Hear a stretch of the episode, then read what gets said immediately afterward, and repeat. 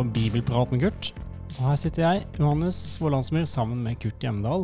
Vi holder på med Johannes evangeliet, og nå har vi kommet til andre del av kapittel tre. Jesus har nettopp hatt en eh, samtale med Nikodemus eh, gjennom natta, og så får vi høre av evangelisten. Etter dette dro Jesus og disiplene hans videre til Judea. Der ble han nå en tid sammen med dem og døpte. Aller først, Kurt.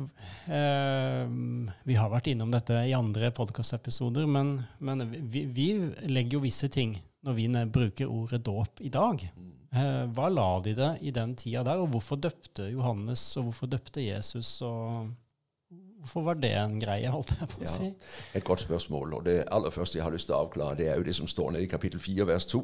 Eh, riktignok var det ikke Jesus selv som døpte, men disiplene hans. Og det er ikke så overraskende, for ut fra det vi har sett i kapittel 1, så er jo Peter og Andreas og Johannes og disse første disiplene det er tydelig døperdisipler. De har vært vant til å delta i døperens virksomhet. Så det som skjer, er vel at de på en måte fortsetter som døperdisipler på den måten at når mennesker kommer, så lar de deres bønn om tilgivelse, om deres bot, få uttrykk i dette at de, de døper dem i Jordan, at synden vaskes av. ikke sant? Mm. Johannes sier selv om sin dåp at han døper med omvendelsesdåp til syndenes forlatelse. Etter meg kommer han som døper med Den hellige ånd. Så Johannes markerer veldig tydelig hans, bot, hans dåp er en botsdåp. Et synlig tegn på den holdning det mennesket har som blir døpt. Nå bekjenner jeg min synd for Gud og ber om tilgivelse, ber om renselse. Eh, den kristne dåp det er en vann- og åndsdåp. Og Den kristne dåp kan ikke finne sted før etter pinsedag, for forutsetningen for kristen dåp det er Kristi død, oppstandelse, himmelfart og Åndens komme. Og Derfor er de første som døpes med kristen dåp, det er dem vi leser om i apostelgjerningene 2. For når pinsedagen er kommet, så kan Peter omsider si omvend dere, la dere døpe, og så skal dere få Den hellige ånd som gave. Så kristen dåp finnes ikke før etter pinsedag. Så, og Derfor er det helt tydelig at det disiplene til Jesus her gjør, det er altså at de på en måte stiller seg sammen med døperen og deltar i hans bots virksomhet, og Jesus lar dem få lov å gjøre det. For, for dette er en del av forberedelsen for hans virksomhet og hans komme. Så den kristne dåpen den er egentlig veldig knytta til det Jesus sier til Nikodemus. Om at det blir født av vann og ånd. Ja. Renselse og noe nytt. Ny, ny skapelse. Ja. Og Det er jo det som særmerker den kristne dåp i forhold til Johannesdåpen. Johannesdåpen er en botsdåp, en omvendelsesdåp. Jeg bekjenner mine synder og ber om tilgivelse. Men i den kristne dåp så skjer det samtidig en ny fødsel. For her gis Den hellige ånd. ikke sant? Mm. Du må fødes av vann og ånd. Gud gir sin ånd til den som tar sin tilflukt til ham. Og Derfor er en kristen dåp nettopp en vann- og åndsdåp. Den bare, ikke bare renser fra synd, men den skjenker et helt nytt liv. Og Så får vi vite her at disiplene til Johannes kom i en diskusjon med en jøde om renselse. Eh, så får vi ikke vite hvordan det gikk med den diskusjonen, men de går i hvert fall da til Johannes og sier til han De har kanskje fått vite da av, denne jøden eh, som de har diskutert med, at han som var sammen med deg på den andre siden av jorden, han som du vitnet om, han døper nå, og alle går til ham. Hvordan skal vi forholde oss til det her, sier de. Hva gjør vi med det her? Liker ja. vi det, liker vi det ikke? Ja, ja, helt riktig. Og det er helt tydelig at de oppfatter det nok provoserende. De antyder nok for Johannes at nå bør du ta igjen og vise at det er deg som er sjefen, og det er ikke han.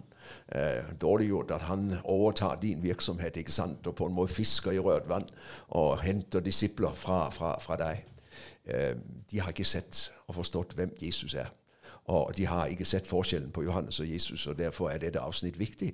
For her blir Johannes på en måte plassert riktig. Han plasserte seg selv allerede i kapittel 1 fra vers 19 og utover og sa jeg er ikke Messias, jeg er en røst av en som uh, roper i ørkenen. Og nå sier han det samme igjen.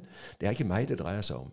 Så Johannes, evangelisten, understreker veldig tydelig at døperen Johannes ikke var i tvil om hvem han var og hvorfor han var kommet. Disiplene hans derimot, de hadde nok sett noe mer i ham. De anså nok nærmest at han var Messias, og, og derfor blir de fornærmet på hans vegne en liten uh, idé i den sammenheng.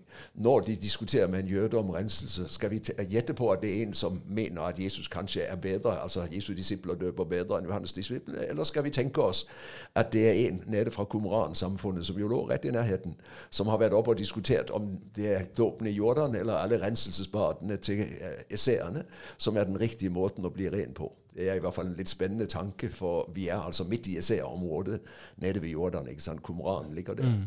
Og det kunne jo godt ha vært en derfra som eh, hadde kritiske merknader til Johannes døperens praksis. Vi vet ikke. Så er det jo fascinerende plasseringa av denne historien. Fordi at eh, Vi har nett, nettopp hørt samtalen mellom Jesus og Nikodemus. Og Jesus sier at man blir, må bli født på ny av vann og ånd.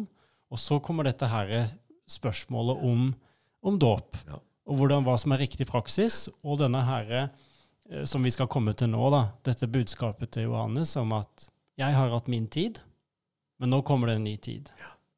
Og det som er, det er jo her, ligger hele tiden i bakgrunnen. Min time er ikke enda fra bryllupet i Kana. ikke sant?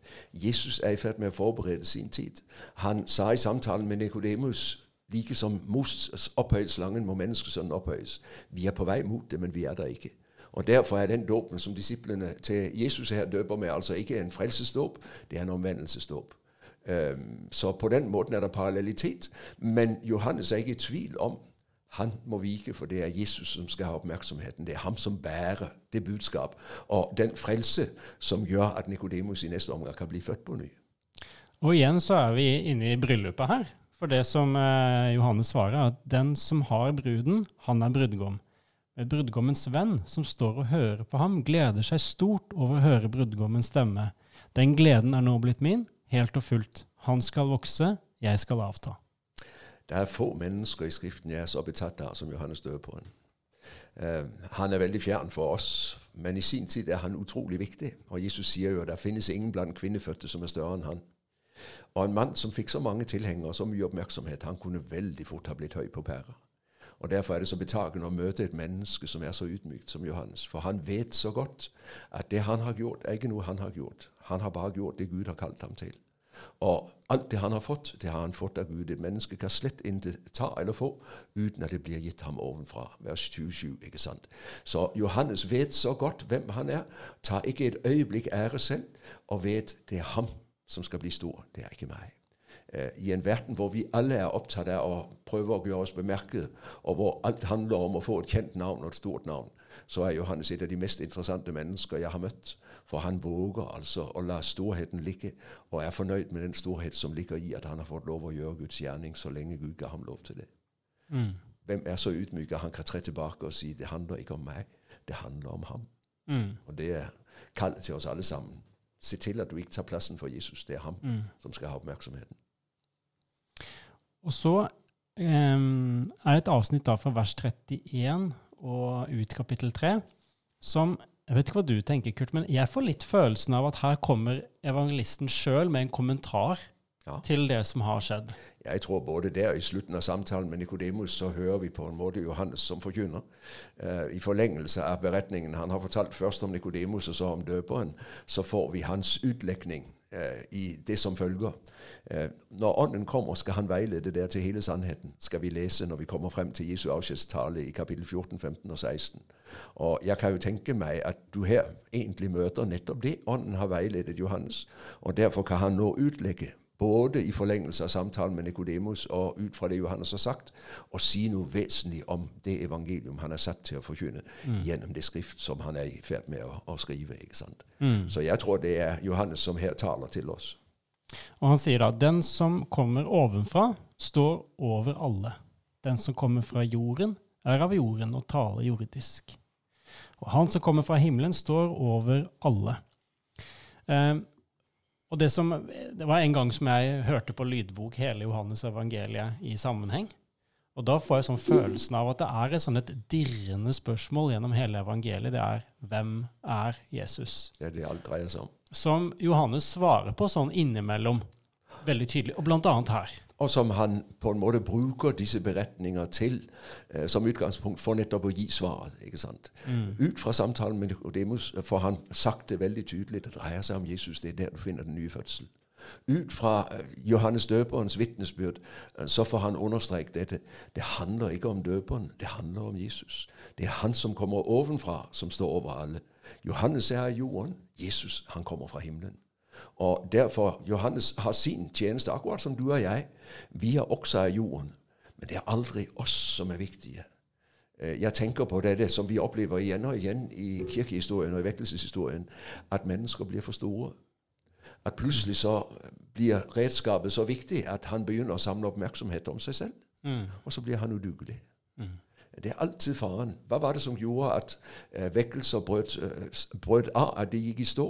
Hva var det som gjorde at kirken kom på villspor hver gang mennesker ble for store og tok for mye plass? Mm. Det er så fristende plutselig å bli høy på pæra ut fra det jeg har opplevd, og så begynner jeg plutselig å samle til meg selv istedenfor til ham som jeg er satt til å tjene.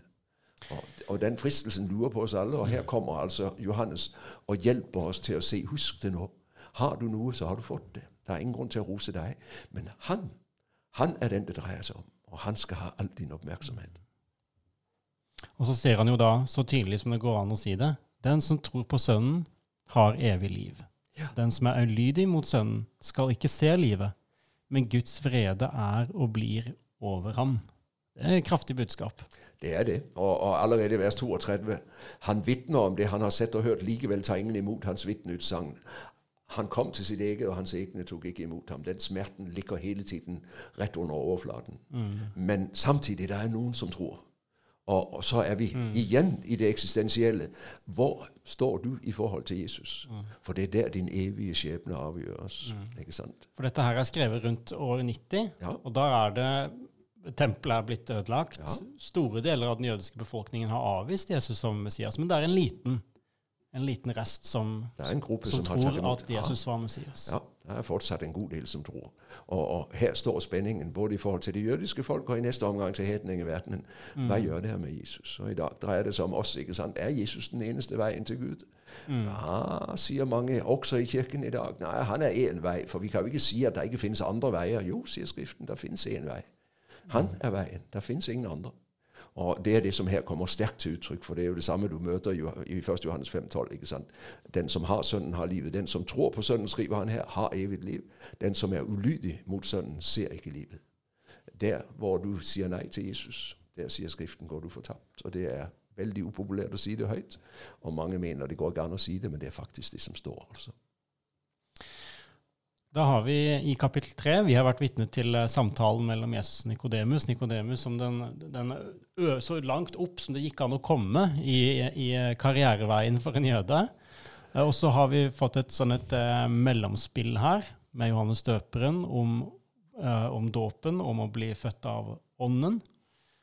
Og så skal vi altså til denne kvinnen fra Samaria som er i helt andre enden det, av skalaen, sånn menneskelig sett. Og Det er igjen et uttrykk for hvor genial Johannes er i sin sammensetning av evangeliet. og Vi får jo tro under åndens lederskap. ikke sant? For her lar han altså på den ene siden uh, den høyeste representant for, for menneskelig religiøsitet tre frem for oss i Nikodemus' skikkelse.